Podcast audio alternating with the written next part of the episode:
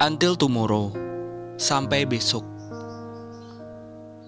Dua hari ini lini masa media sosial, terutama Instagram, dipenuhi dengan sebuah tren di mana orang-orang memasang foto yang dalam tanda kutip foto memalukan dan menuliskan caption until tomorrow alias sampai besok. Pertama aku mikir, challenge apa lagi nih?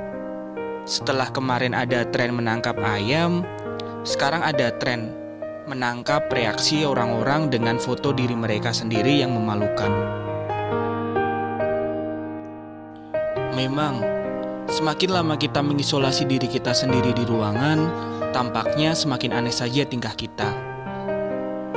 Tapi kemudian aku tersadar bahwa kita, sebagai orang-orang yang sedang mengalami ketidaknyamanan yang sama, akan melakukan apa saja untuk saling membantu mengusir kebosanan, membantu mengalihkan diri dari berita-berita buruk, dan juga membantu melewati ini semua.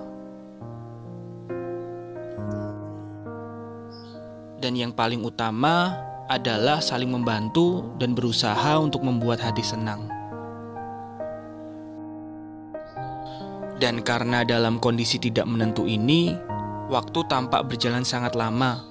Sementara berita buruk muncul hari demi hari.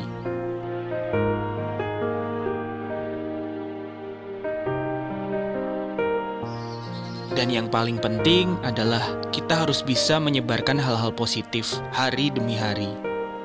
Sampai besok dan besoknya lagi. Sampai semua ini terlewati.